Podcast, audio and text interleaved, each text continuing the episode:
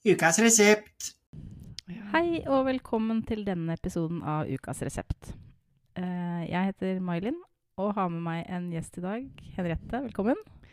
Tusen takk. Vi har jo tema i dag kur mot livstrøtthet.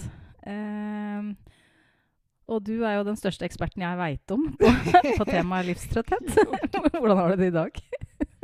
I dag er det oppadstigende. Ja, det er bra. Skikkelig reklame for meg. Neida. Men uh, du er jo kanskje Jeg vet ikke om du er ekspert på det i litteraturens verden heller, men det er jo det vi tar utgangspunkt i, da. Ja, Vi gjør det i dag. Ja. Hva slags bok er det du har med deg i dag, da? Jeg har med meg en bok av en ukrainsk forfatter, Andrej Kurkov. Og romanen heter 'Venn av avdøde'.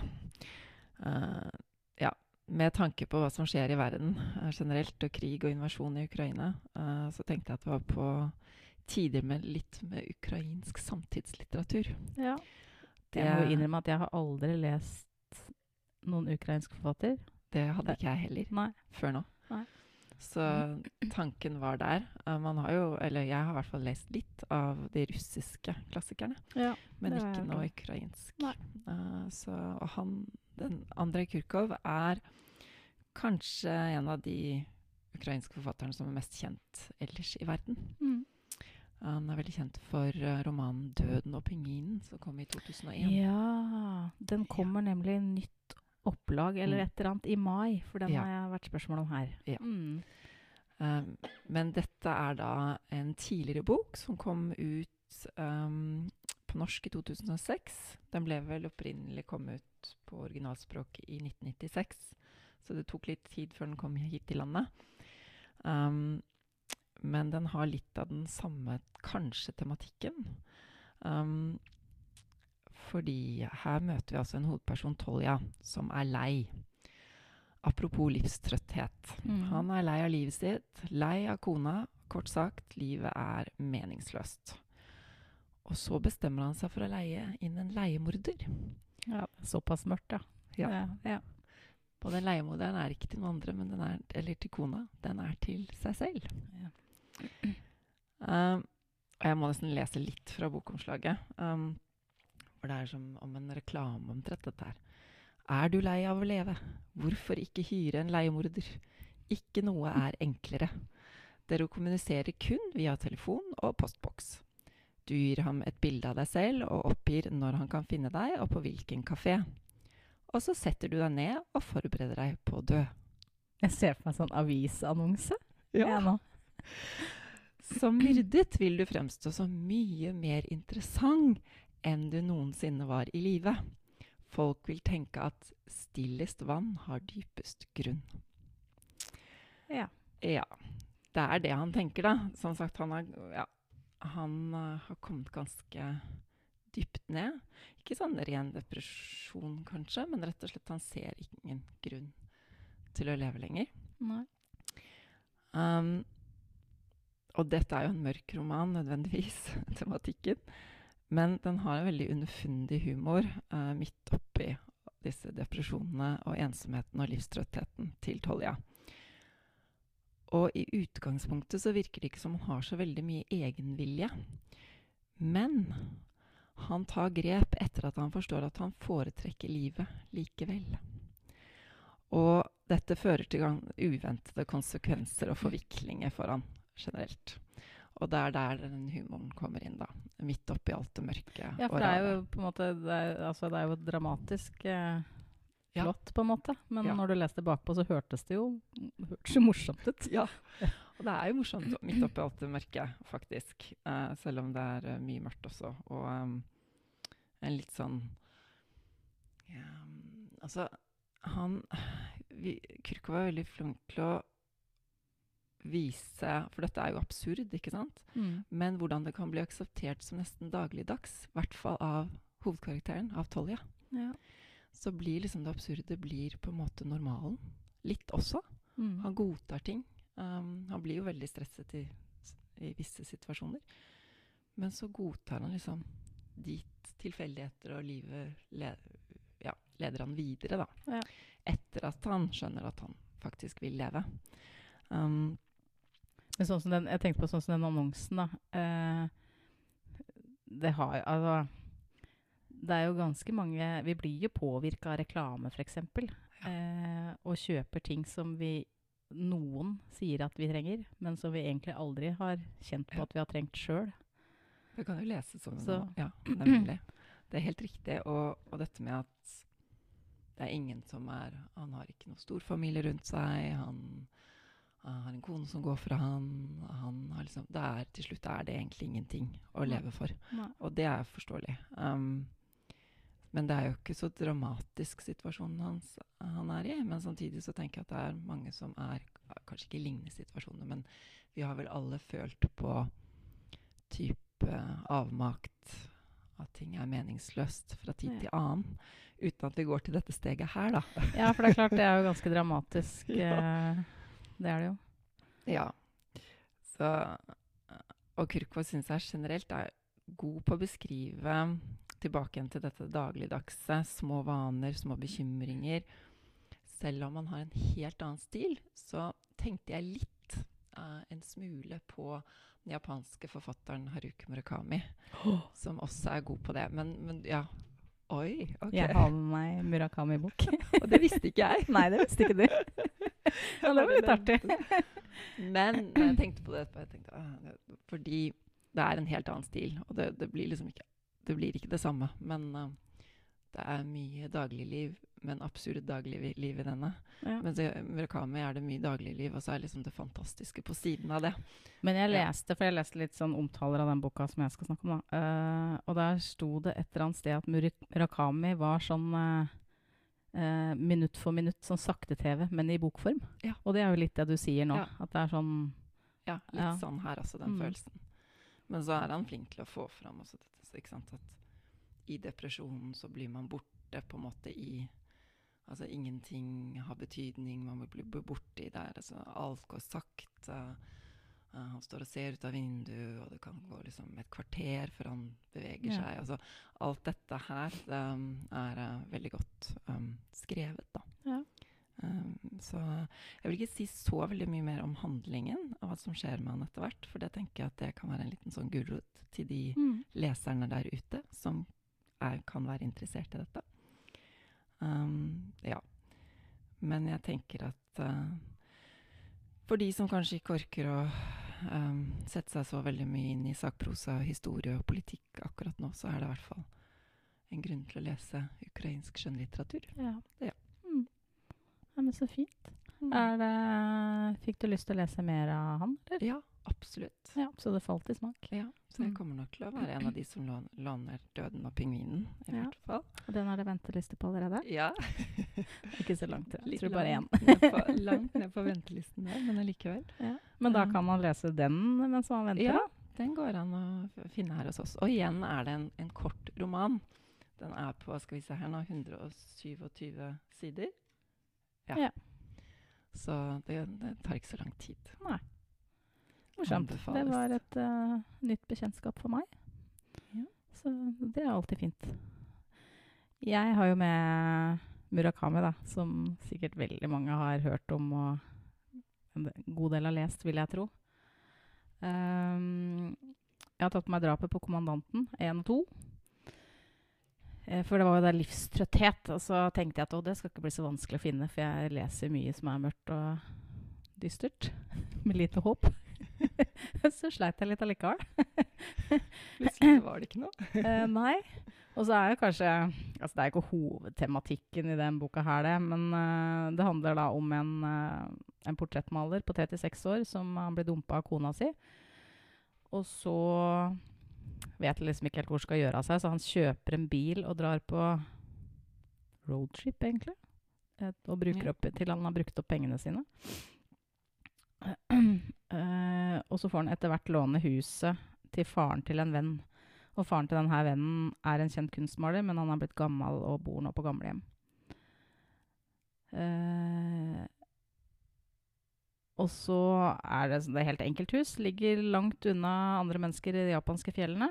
Og portrett, vår portrettmaler da, er lei av det livet han har levd. Han er trist selvfølgelig fordi kona har, forlatt den. Eh, og håper at de skal finne tilbake til hverandre. Og så er han lei av det han har jobba med de siste åra. For han har vel gått på kunstskole og har på en måte drømt om å kunne slå seg opp som kunstner. Eh, men det å på en måte leve av det når ingen veit hvem du er eh, Og det Mm. står liksom at bare det å kjøpe inn materialer er så dyrt at du må Altså, det vil jo ikke lønne seg. Nei. Og da har han da endt opp med å male portretter av folk med mye penger. Altså bankdirektører og sånn, Ja. ja, naturtro portretter. Som jo er ganske langt unna det å leve som kunstmaler, Ja. liksom. Um, og han føler nok at livet har stoppa opp. At det er liksom Ja, hva er det nå, på en måte? Det er jo Nå er alt slutt, liksom. Av det han hadde. Nei, nei. Jeg tror ikke han tenker nok ikke på at han skal gjøre eh, slutt på livet. Men uh, han klarer liksom ikke Han klarer ikke å, på en måte på egen hånd å finne noen vei ut, liksom. Nei. Um, og så flytter han da til det her huset. Uh, og så får han en liten jobb som kunstlærer på en kunstskole for barn i den nærmeste byen.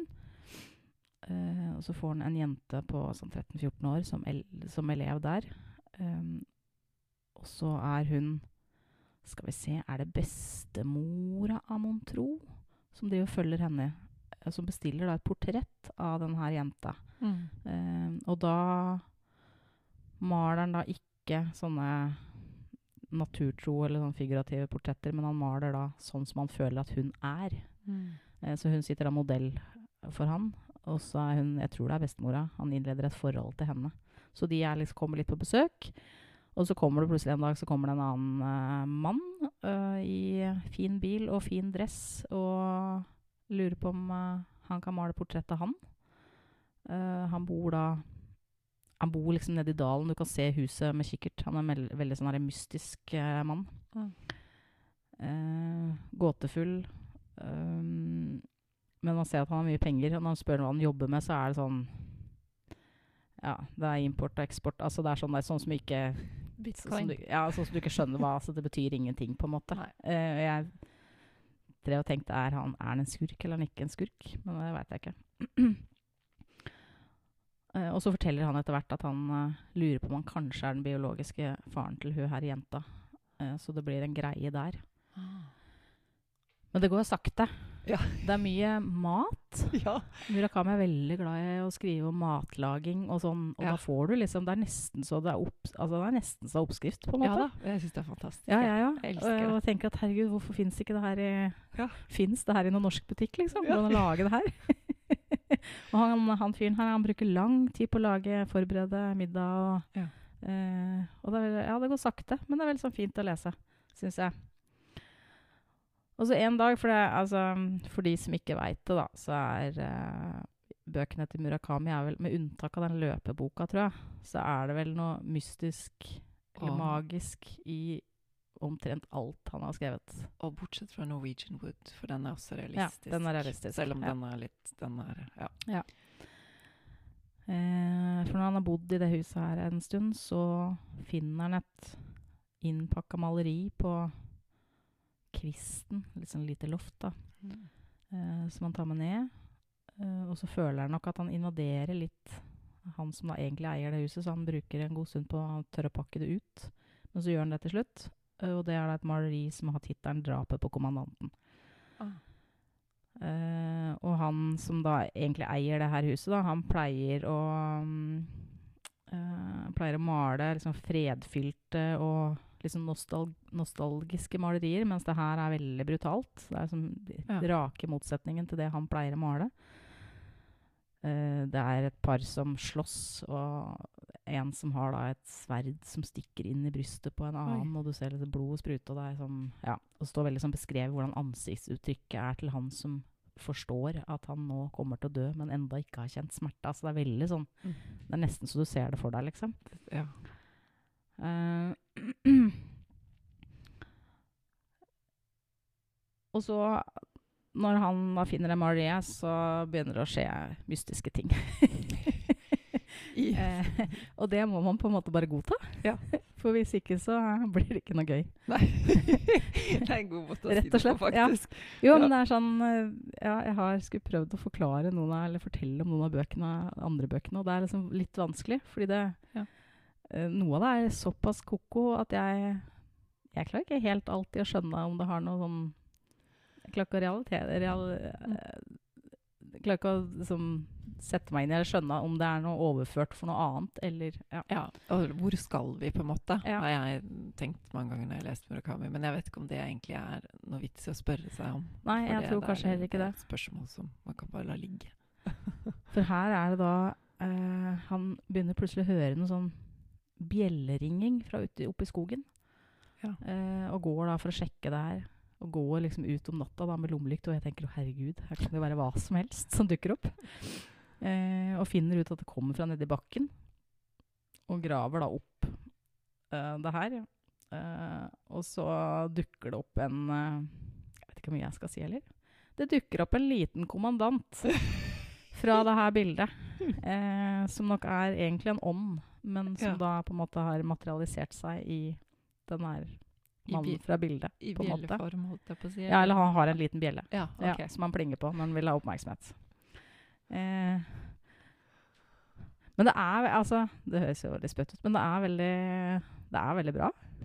Ja, det Altså- er, altså, Murakami er nesten som Det høres litt sånn tåpelig ut, kanskje, men så ta på seg en god, velbrukt genser, sette seg i sofaen og ja, ta en kopp te, liksom. Det er noe altså, Du kjenner det igjen veldig Ja, hvis ja, du har ja, lest flere Murakami-bøker. Det er eh, Ja. Men samtidig så har du Det er det et eller annet Kanskje dette med kontrastene igjen mellom dette liksom det veldig dagligdagse, nesten meditative Ja, og nesten litt sånn kjedelig. Altså, Kjedelig med matlagingen, Ja. eller hva det Mhm. er han gjør da. Det alt er liksom veldig sånn deskriptivt. ja, det kan være vasking og Ja. altså, helt sånne ting som man ikke som, sånn. uh, Som vi et, finnes lite av i vestlig litteratur, egentlig, tror jeg. Ja. Men så har du det liksom Så snus alt på hodet. mm. Mm. Det, det er eh, Og han blir vel altså. Han blir jo på en måte nevnt hvert eneste år når det gjelder Nobels Ja, litteraturpris, ikke sant? Uh, og så har han vel ennå ikke fått den. Nei, det er litt merkelig. Men, det er jo eh, flere japanere som har fått den før han, så det er kanskje derfor. Jeg vet Ja, ikke. nei, jeg veit ikke heller. Men det, men det er god altså, det er god litteratur. Mm. Men og jeg er, ja, den er tilgjengelig også, på en måte. Ja, den er ja, ikke sånn høytravende, Nei. men det er ja, godt språk, god litteratur. Men man må på en måte For jeg, jeg i utgangspunktet ikke Jeg leser ikke så mye fantasy, jeg er ikke så glad i science fiction. Eller, altså, jeg er ikke så glad i den type litteratur. Men uh, overraskende nok, så hos han så på en måte bare tenker jeg at ja, OK. Mm. Det er Mm. sånn. Ja, men da det er greit. Ja. Men jeg tror han er litt sånn elsk- eller hat-forfatter. Jeg tror. Enten så syns du han er kjempebra, eller så skjønner du ikke greia. Nei da, det er noen ganger jeg ikke helt har skjønt greia også. Men samtidig så kommer jeg alltid tilbake igjen til han og Ja. leser andre bøker som jeg da ikke har fått tid til å lese ennå. Så det er noe der, altså. Det er virkelig um, Det er som du sier, ikke sant. Du er ikke noen stor sci-fi, fantasy-leser, men allikevel så har du det fantastiske aspektet i Murakami, og det godtas på en helt annen Mm. måte. For han skaper ikke en egen verden på Nei, nei, nei. heller. nei. Um, så det er noe med det Ja.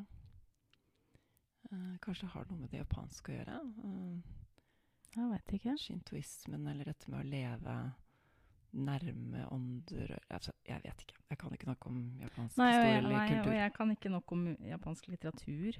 Nei. Om det er liksom er et sånn jeg tror kjennetegn, holdt på å si. Jeg, Nei, Du har jo uh, Kobabe, men han er vel surrealist, så det blir allikevel litt annerledes. Så kan Ja. hende at han har trukket noen Ja, jeg vet ikke. Nei. jeg vet ikke nok. Nei. Men det er i hvert fall uh, en anbefaling. Gå og les Murakami hvis du ikke har gjort det. ja, jeg Ja. syns det. Og det er eh, Det er en stund siden jeg leste dem. Og jeg kjente nå når jeg begynte å skrive og liksom prøvde å huske hva det Mhm. handla om, så tenkte jeg åh, kanskje jeg skulle ta og lese de på nytt nå, gitt. Ja. Men jeg Så- får den litt følelsen, den også. Ja. Jeg skal i hvert fall lese denne, for jeg har ikke kommet så langt ennå. Nei. Men jeg har jo jeg har en annen stor favoritt av han, men den får jeg ta med en annen gang. Neste gang. I et annet tema. Ja, vi får se. Ja. Men uh, for både i boka di og i min sånn Så er det jo ting å kjenne seg igjen i, liksom. Det at man uh, Ja, det at Litt sånn derre Jaha, var det her alt? Mm.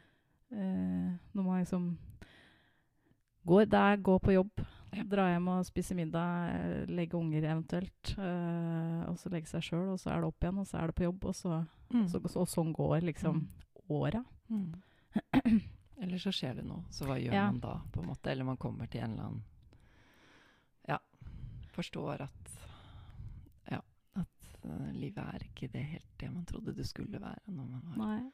Men ofte så tar det noen svinger da, hos altså, han uh, i din bok da, som uh, Ja. bestemte seg for å gjøre slutt på det. Men da regner jeg med at det skjer et eller annet som gjør at han ombestemmer seg. Ja. Så man, for det, sånn er jo livet, at det tar Ja, jo noen er svinger som du ikke alltid har kontroll over. Ja.